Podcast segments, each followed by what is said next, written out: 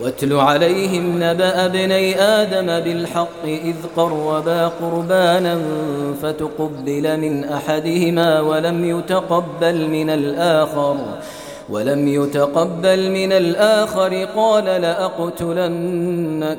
لقد قربا قربانا وتصدقا بصدقة فتقبل من أحدهما ولم يتقبل من الآخر فقال الذي لم يتقبل منه للذي تقبل منه لأقتلنك.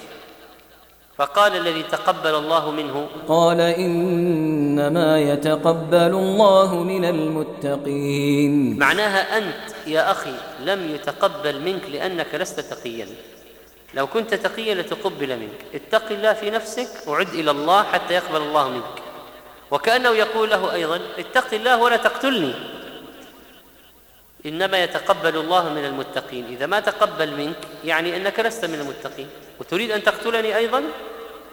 فما لك فما لك لا تعاتب نفسك ولا تحملها على تقوى الله.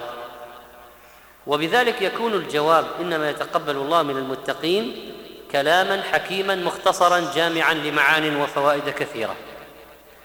وفيه دليل على أن الله لا يقبل طاعة إلا من مؤمن متق ولذلك فإن عامر بن عبد الله بكى حين حضرته الوفاة فقيل له ما يبكيك؟ وكنت وكنت. قال إني أسمع الله يقول إنما يتقبل الله من المتقين. فيقول بعض السلف وددت أن الله وددت أني أعلم أن الله تقبل مني سجدة واحدة.